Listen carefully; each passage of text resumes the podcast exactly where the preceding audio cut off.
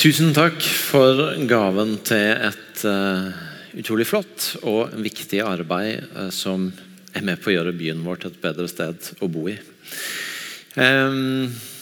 Godt å se dere. God søndag kveld. Hvis du er ny eller på besøk, så heter jeg som Gry sa Egil Elling.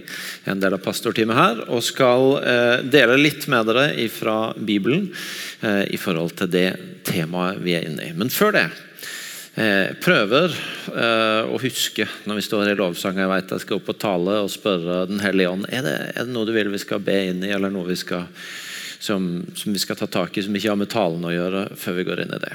Så jeg har et par ting jeg har lyst til at vi skal be for, så vi reiser oss opp.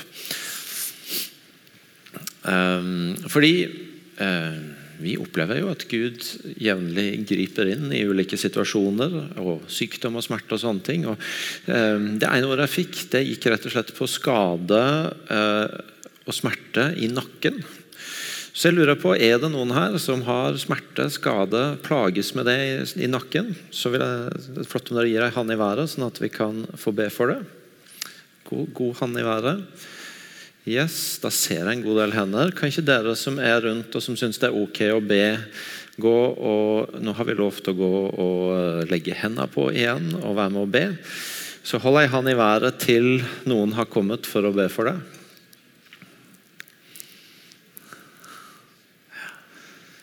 Jeg må bare se. Hvis, hvis ingen har kommet til deg, så hold ei han høyt opp, sånn at jeg ser det. Jeg jeg alle er dekka. Da ber jeg litt først, og så kan dere fortsette å be. Og Hvis du ikke står helt inntil noen, så kan du strekke hendene mot eh, noen av de vi ber for. Kjære gode far. Takk for at du er en Gud som kan helbrede, som kan gjøre frisk. Og vi har sett det før, og vi tror at du kan gjøre det igjen. Så nå ber vi deg om at din kjærlighet kommer inn i skader og smerter i nakke og tar ut det som er skada, det som er sykt, det som er vondt. Og lar det få bli helt friskt, helt helbreda, helt smertefritt. Kom med din helbredelse. Nå kan dere bare få fortsette å be litt der dere står.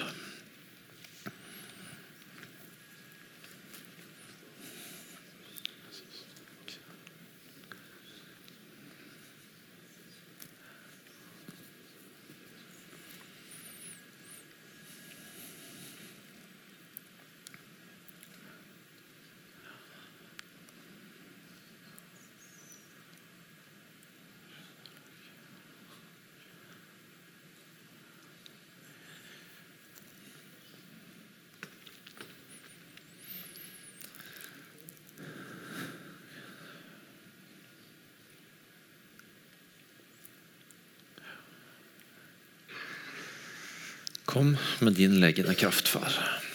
Amen. Dere kan bare bli stående, for vi skal be for én ting til. Ehm, dette er gjerne sånne ting som du må følge litt med på. Har det skjedd en forandring? Hvis du opplever at noe ble annerledes, så vær så snill og gi oss en tilbakemelding om det. Ikke fordi at uh, feil, feil, Jeg begynner på nytt igjen. Gi oss en tilbakemelding om det, fordi det er veldig oppmuntrende for oss å kunne dele historier om at Gud griper inn.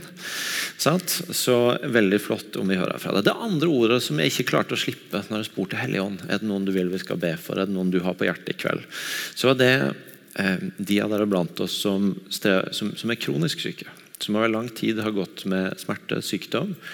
Eh, og, det er en del av livet deres. Så Der er vi i den litt sånn todelte situasjonen. ikke sant? At vi som står rundt dere, skal få lov til å fortsette å holde opp og be om et gjennombrudd fra Gud. Og Samtidig så vet vi at for mange av dere så er dere også nødt til å finne en god hverdag i det. Prøve å lage dere en hverdag i det. Og kan ikke alt, Klarer ikke alltid å bare jage etter helbredelsen, men må også ok, hvordan, hva gjør jeg med denne dagen? Og Da har vi lyst til å få lov til å be inn i det spennet. Og Både fortsette å løfte opp at Gud skal bryte igjennom, men også be for deg det som er dagene dine, der du er nå.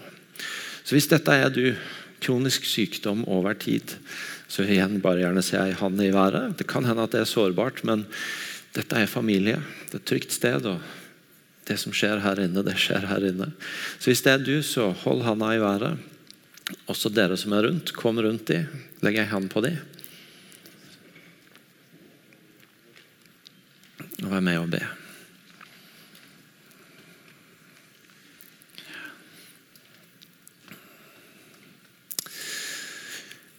Gode far, takk for at du elsker disse brødrene og søstrene som står i smerte, og som lever med smerte. Vi begynner med å bare be deg om at du bryter igjennom. Og at det mirakelet, den helbredelsen som de har venta på så lenge, må få bryte igjennom. Kom og gjør de friske. Kom med ditt gjennombrudd.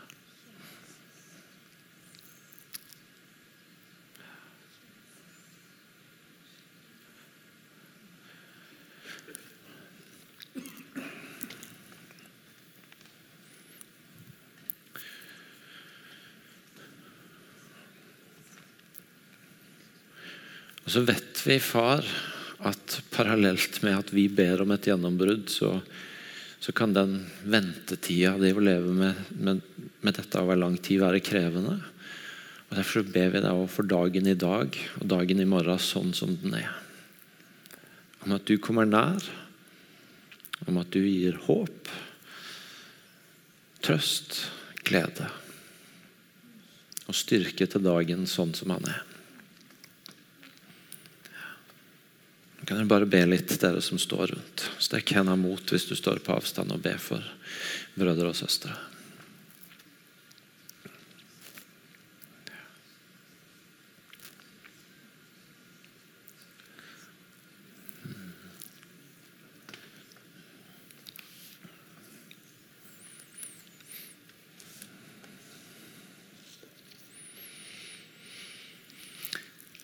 Takk, Gud, for at du er god for at du har bare gått på hjertet fordi vi ber for noe. Velsign de, beskytt de, og vær de nær både i kveld og i uka som kommer. Amen. Vær så god og sitt. Vi skal gå litt inn i Guds ord. Vi skal eh, eh, fortsette den serien som vi er midt i, som også har vært snakka om allerede, om Gud som far, Abba-far. Ehm, men vi skal begynne et litt annet sted. for Både Irene og Gry har allerede toucha på at dette er jo også en spesiell tid, spesielle dager. Ehm, fordi at eh, du kan knapt åpne ei avis eller skru på en TV uten at det vi hører om, er krig på vårt eget kontinent. Og Det er ikke nødvendigvis det at krig er så mye verre fordi om den skjer nærmere oss, men det blir kanskje enda tydeligere for oss hvor fælt det er. Hvor skremmende det er. Se bilder av familier som må splittes um, fordi at noen må flykte, andre kan ikke. Se bilder av folk som har tapt, enten det har med liv, eller med hjem eller med levebrød å gjøre. Se ting som er bygd opp over massevis av år, og som brytes ned igjen på et øyeblikk.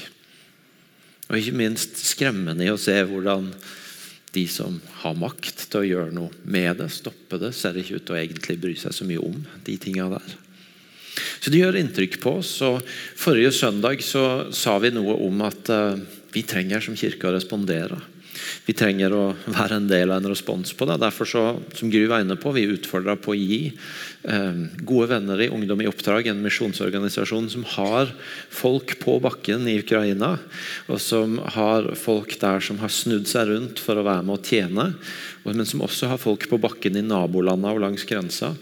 De utfordrer oss på å være med å gi inn i deres respons. Og um, Som Gry sa, dere ga utrolig raust. Over 200 000 kroner. Det var også noen andre menigheter som ble med på aksjonen, og det kom inn i løpet av den søndagen 2,2 millioner.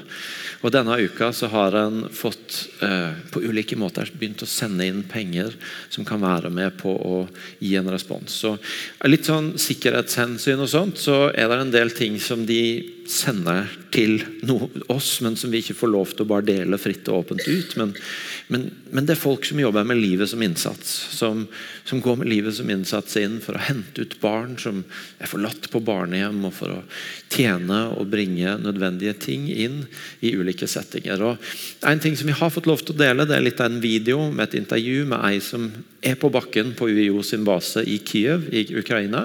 Jeg tenkte vi skulle bruke et par minutter på å se litt av det hun forteller. Our day starts around 6 a.m. and uh, finishes uh, around 12 midnight.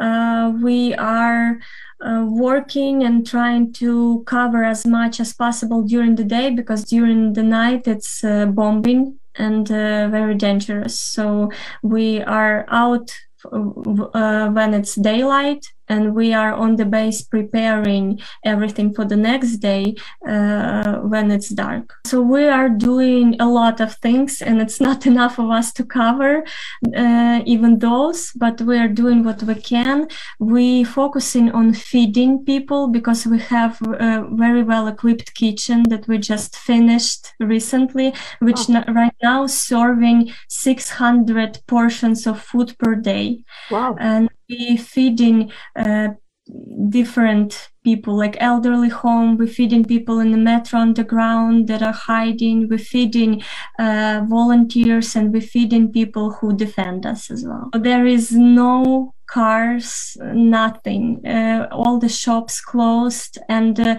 at some parts you can see destroyed buildings that were bombed, um, like uh, civilian buildings. I saw yesterday we were driving in the city, and I saw uh, burned cars on the road and uh, like after after fights and uh, some of our drivers that are rescuing people they they see even more. They see shooting right beside them, and they see uh, like bombs being shot like uh, very near from where they're driving. Before before war started, I had I was anxious and I thought I will run, but uh, when the day came, we me and some other volunteers here we gathered together and we prayed and uh, we all got this deep sense of peace and even more than peace like uh,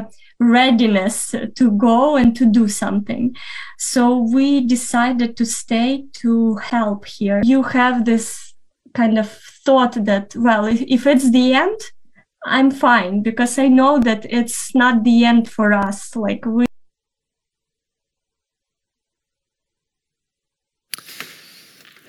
Det, det gjør ganske sterkt inntrykk um, å se det hun forteller, og se den viljen til å si at uh, jeg vet jeg risikerer livet mitt, men jeg velger å se det i et evighetsperspektiv, og jeg velger å bli værende, for det har Gud gitt meg fred for.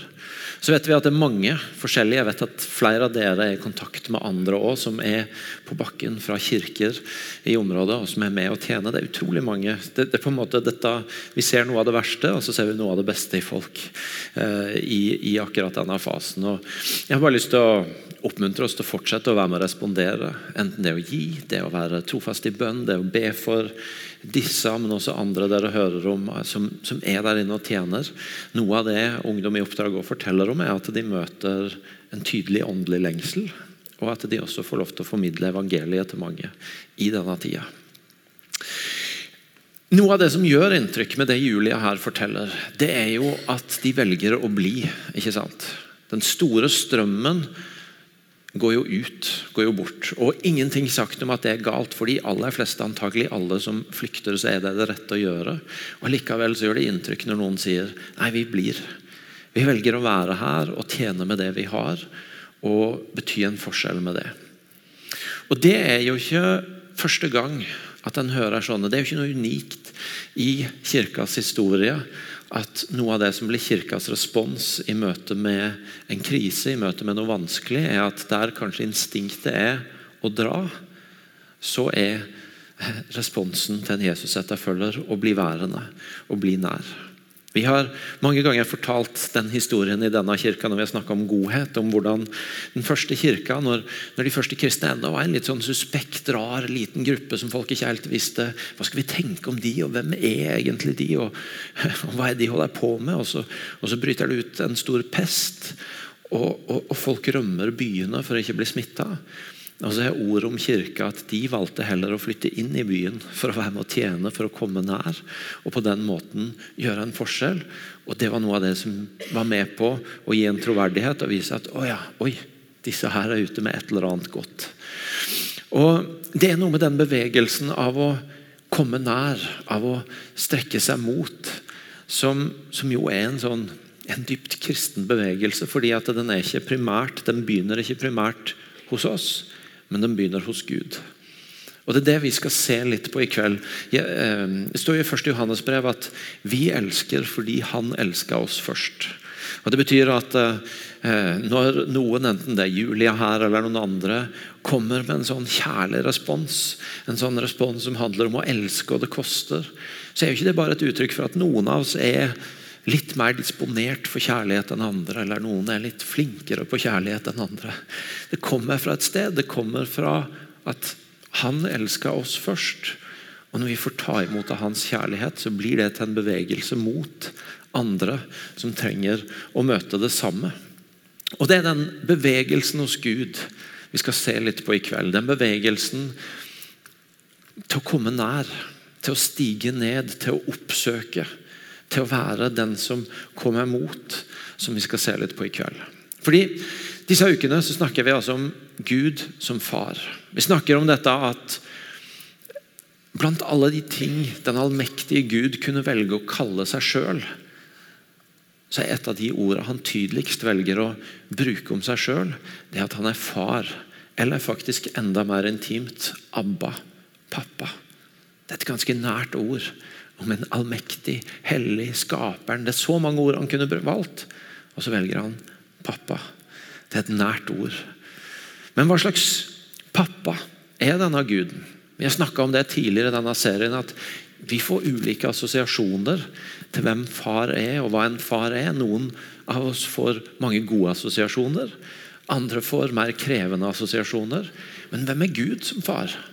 Han som er en helt annerledes far på mange måter enn våre farsbilder. I hvert fall en, eh, en, en, fullkommen far på en annen måte enn det vi kan oppleve her på jorda. Hvem er han? Hva betyr det at han er pappa?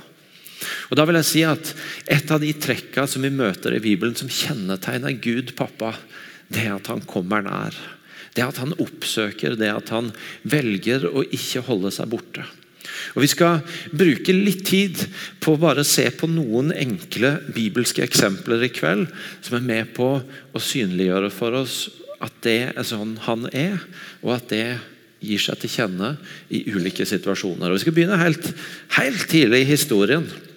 Mens Adam og Eva, mens menneskene fortsatt er i Edens hage i paradis, i en fullkommen virkelighet. Det er ennå ikke kommet noe vondt inn i virkeligheten. og de, de, lever i denne store hagen hvor Gud har sagt at dere skal, skal, skal eh, både nyte av det som er i denne virkeligheten, og dere skal herske over den. Og, og, og så er det én ting dere ikke må gjøre, og det er det ene treet dere ikke må spise av. Og så gjør de jo akkurat det. Det ene, egentlig de blir bedt om å ikke gjøre, det, det gjør de allikevel. Og Så er det interessant å se hva som skjer da. Fordi at eh,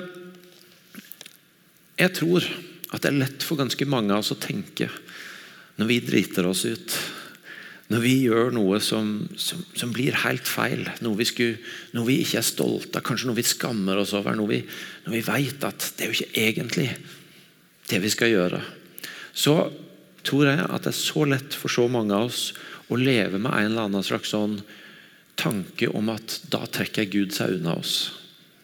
At da det, må vi på en eller annen vis gjøre oss fine igjen. Eller eh, hva skal vi si Gjøre opp for i betydninga, gjøre, gjøre, mange gode ting etterpå for å demme opp for det som ble feil. Sånn at det, kan, vi kan komme nær Gud igjen. Men det som skjer her, det er jo noe annet. Det står at um, da de hørte lyden av Herren Gud som vandra omkring i hagen eh, da, da, hørte de lyden av Herren Gud som vandra omkring i hagen i den svale kveldsprisen. Og mannen og kvinnen gjemte seg for Herren Gud blant trærne i hagen. Men Herren Gud ropte på mannen og sa, 'Hvor er du?' Han svarte, jeg hørte lyden av deg i hagen, og jeg ble redd fordi jeg er naken og gjemte meg. Her er det jo det motsatte som skjer. De har dumma seg ut, de har gjort noe galt. De har, eh, de står for syndefallet. De valgte å spise av det ene treet de ikke skulle spise av. Og så står det at Men Gud han går og spaserer i hagen i den svale kveldsprisen. Det er i seg sjøl et vakkert bilde. Gud som, Gud som går på ettermiddagstur i hagen. Men han er jo der. Og så står det at de gjemmer seg. Og han spør hvor er dere? Og Dette kan kanskje høres enkelt ut, men jeg tror det er ganske viktig for ganske mange av oss å få tak i. At når vi i møte med våre egne nederlag, med våre egne opplevelser av å gå på trynet, gå med en eller annen slags sånn opplevelse at nå, nå trekker sikkert Gud seg unna meg. Og jeg må på et eller annet vis gjøre meg fin igjen hvis jeg skal komme i kontakt med han. Så er fortellinga her at det er ikke Gud som gjemmer seg, men det er vi som gjemmer oss. Det er vi som i vår skam eller hva det måtte være, som trekker oss unna. Men han kommer nær. Han går på tur i hagen han og spør hvor er dere. Og Det tror jeg er viktig for oss å få tak i. At i nederlagene våre, i feiltrinnene våre, i det vi ikke er så stolte av, så kjenner vi en Gud som oppsøker oss, som ønsker å komme oss nær og møte oss i nederlaget. Litt lenger ute i Bibelen så møter vi en kar som heter Moses. Og Moses tenker at vi på mange måter kan si at er litt sånn støkk i livet. Han ble født i en jødisk familie. Så eh, blir han adoptert inn til faraos datter og vokser opp der. Og så, og så, har han en episode hvor han skal på en måte ta sitt eget folk i forsvar, og så bryter han inn i en, eh, en, en uenighet, en krangel, en slåsskamp. Og så, og så ender det med at han slår han i hjel. Hadde kanskje håpet at det skulle la seg dekke over, men skjønner at det, det, gjør det jo ikke. Ordet er ute om hva han har gjort.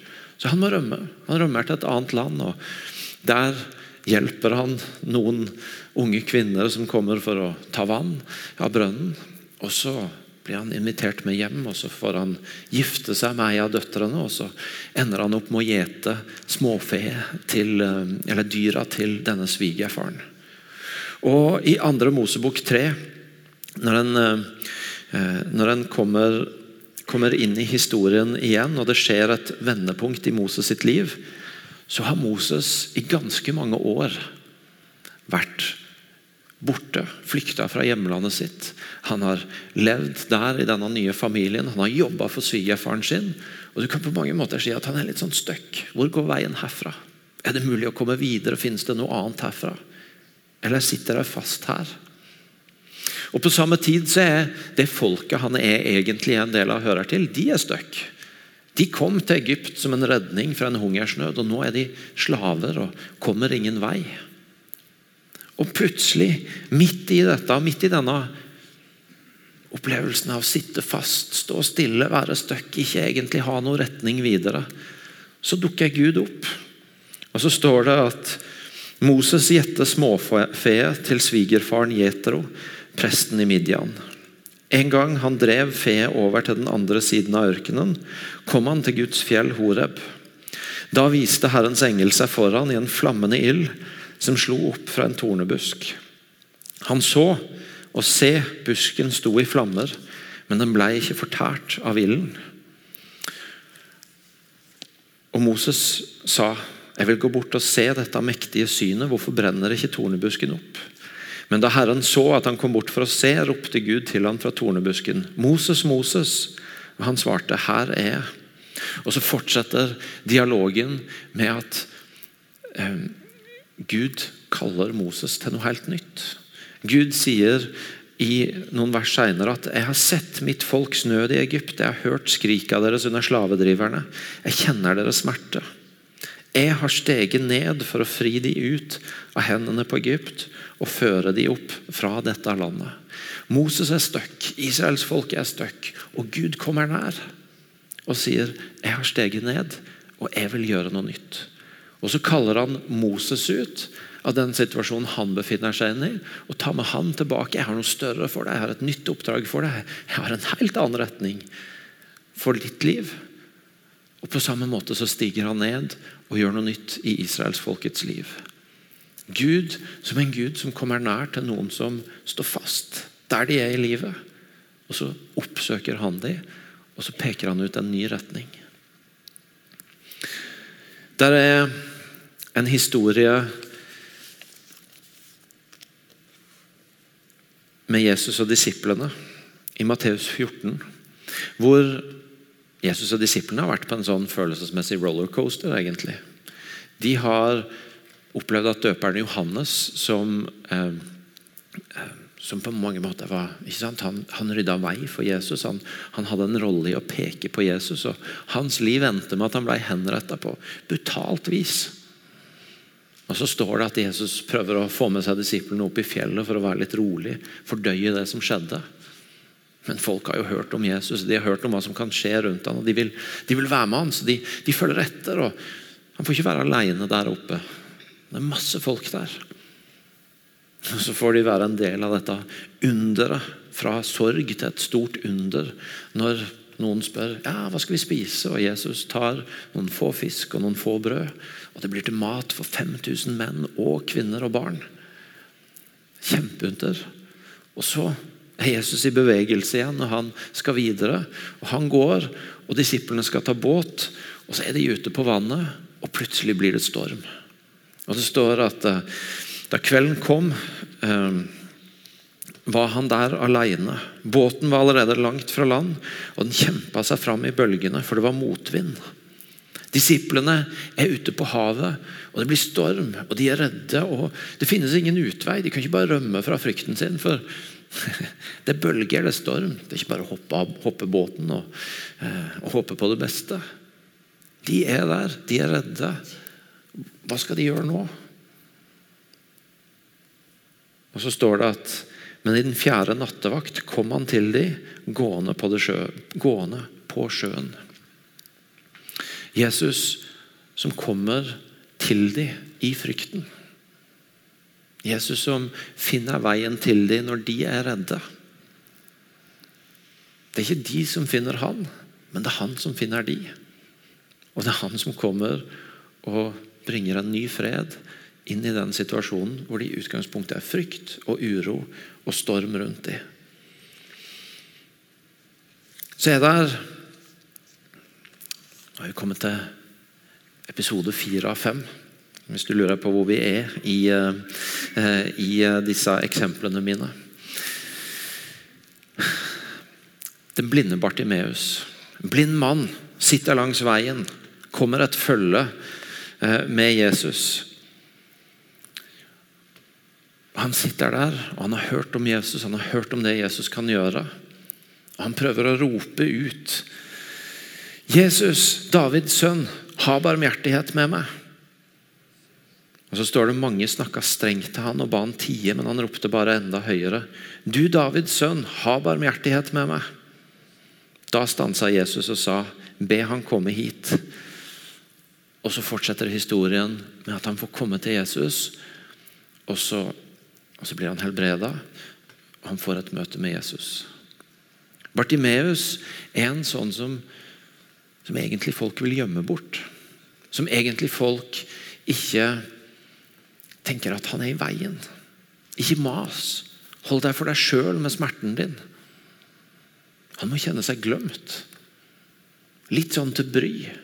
En som folk syns er litt plagsomt at sitter der og gjør noe ut av seg. Og i det så finner Jesus han. Så kommer Jesus i møte med han i det, mens folk prøver å gjemme ham bort. Så bare skjærer Jesus igjennom og sier han skal jeg snakke med. Det kan jo skje oss også, ikke sant? At vi er i situasjoner hvor vi kan kjenne oss glemt, vi kan kjenne oss til bry. Vi kan kjenne at folk egentlig har lyst til å holde oss på avstand. Og så får vi et bilde av en Jesus som sier nei, nei, nei. Jeg vil møte deg. Som skjærer igjennom de tingene som måtte skape de opplevelsene, og sier kom an. La oss snakke sammen. Han kommer nær i opplevelsen av å være glemt, av å være til bry, av å ikke passe inn. Og så kommer han nær. Og det siste bildet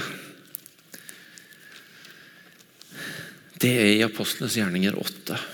Hvor vi møter en etiopisk hoffmann som sitter og egentlig er nysgjerrig på Gud. Han lurer på Gud, men han veit ikke helt hvordan han skal finne veien. Han sitter i vogna si, han har vært i Jerusalem, han skal på reise. og Philip, en av etterfølgerne av Jesus, får en sånn heads up fra Den hellige ånd. Du, gå og sjekk ut den vogna der. Gå og sjekk ut han fyren i den vogna der. Og Så kommer han bort, og så hører han at denne hoffmannen sitter og leser i Bibelen. Han leser profeten Jesaja. Og så sier Philip, 'Forstår du det du leser?' Hvordan skal jeg kunne forstå, sier han, når ingen forklarer det for meg? Og Så ba han Philip komme opp i vogna og sette seg ned ved siden av han.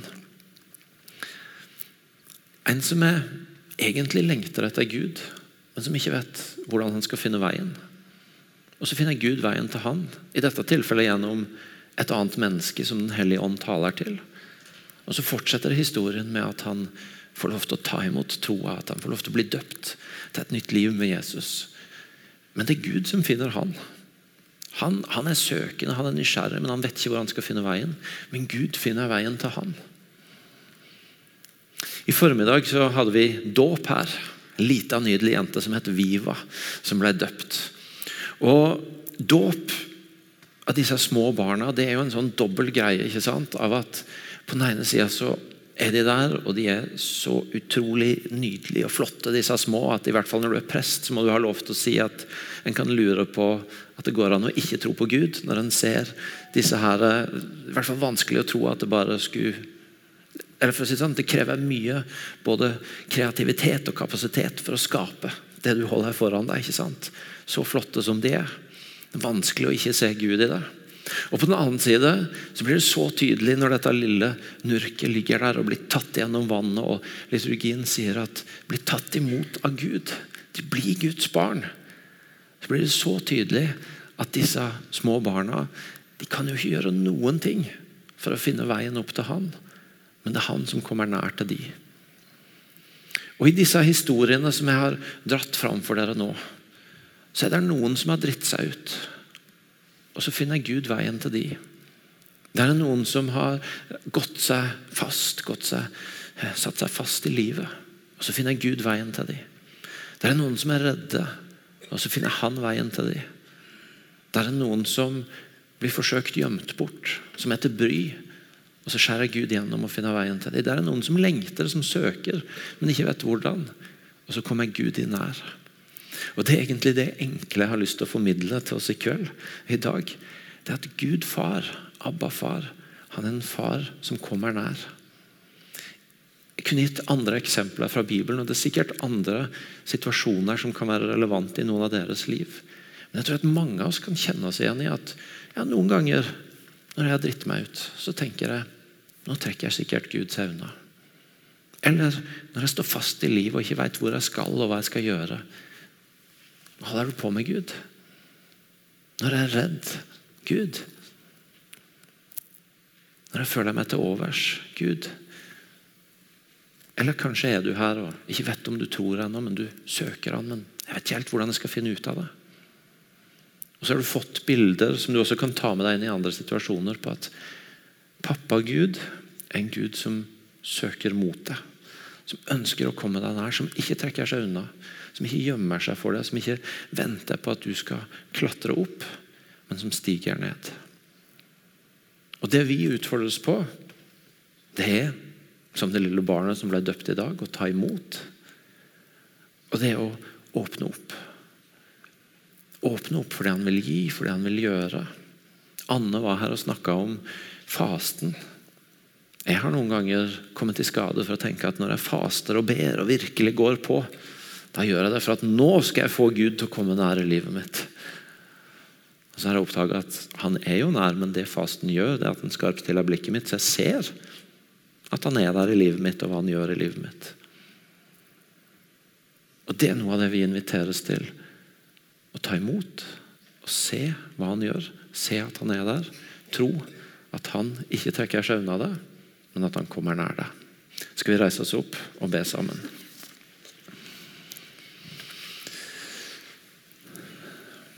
Kjære, gode far. Takk for at du er en pappa som kommer oss i møte, som kommer oss nær. Jeg har lyst til å be deg, hvis det er noen her inne som akkurat nå kjenner på at de har gått litt på trynet, og de lurer på hva de må gjøre for å komme finne, Gjøre seg fortjent og komme nær deg igjen. La de bare få se og ta imot at du kommer de nær. At du ikke trekker deg unna dem. Jeg har lyst til å be deg for hvis det er noen her inne som kjenner at de står fast i livet. Ikke veit hvor veien går. At du kommer de nær. At de skal få lære deg å kjenne som den som møter de det. Som oppsøker de det, som ikke trekker deg unna. Men som kommer nær, og som viser en vei. Jeg har lyst til å be deg hvis det er noen i dette rommet som, som, er, som er redde akkurat nå. Redde for noe de står oppi sjøl, redde for det som skjer i verden rundt. La de få hvile i dette bildet av at du kommer imot oss i stormen. At når vi ikke kan rømme fra det som skaper frykt, så kommer du imot oss. Ber deg hvis det er noen i rommet her som kjenner seg glemt, til bry, gjemt bort. La de få se at du kommer dem i møte. At du kommer nær.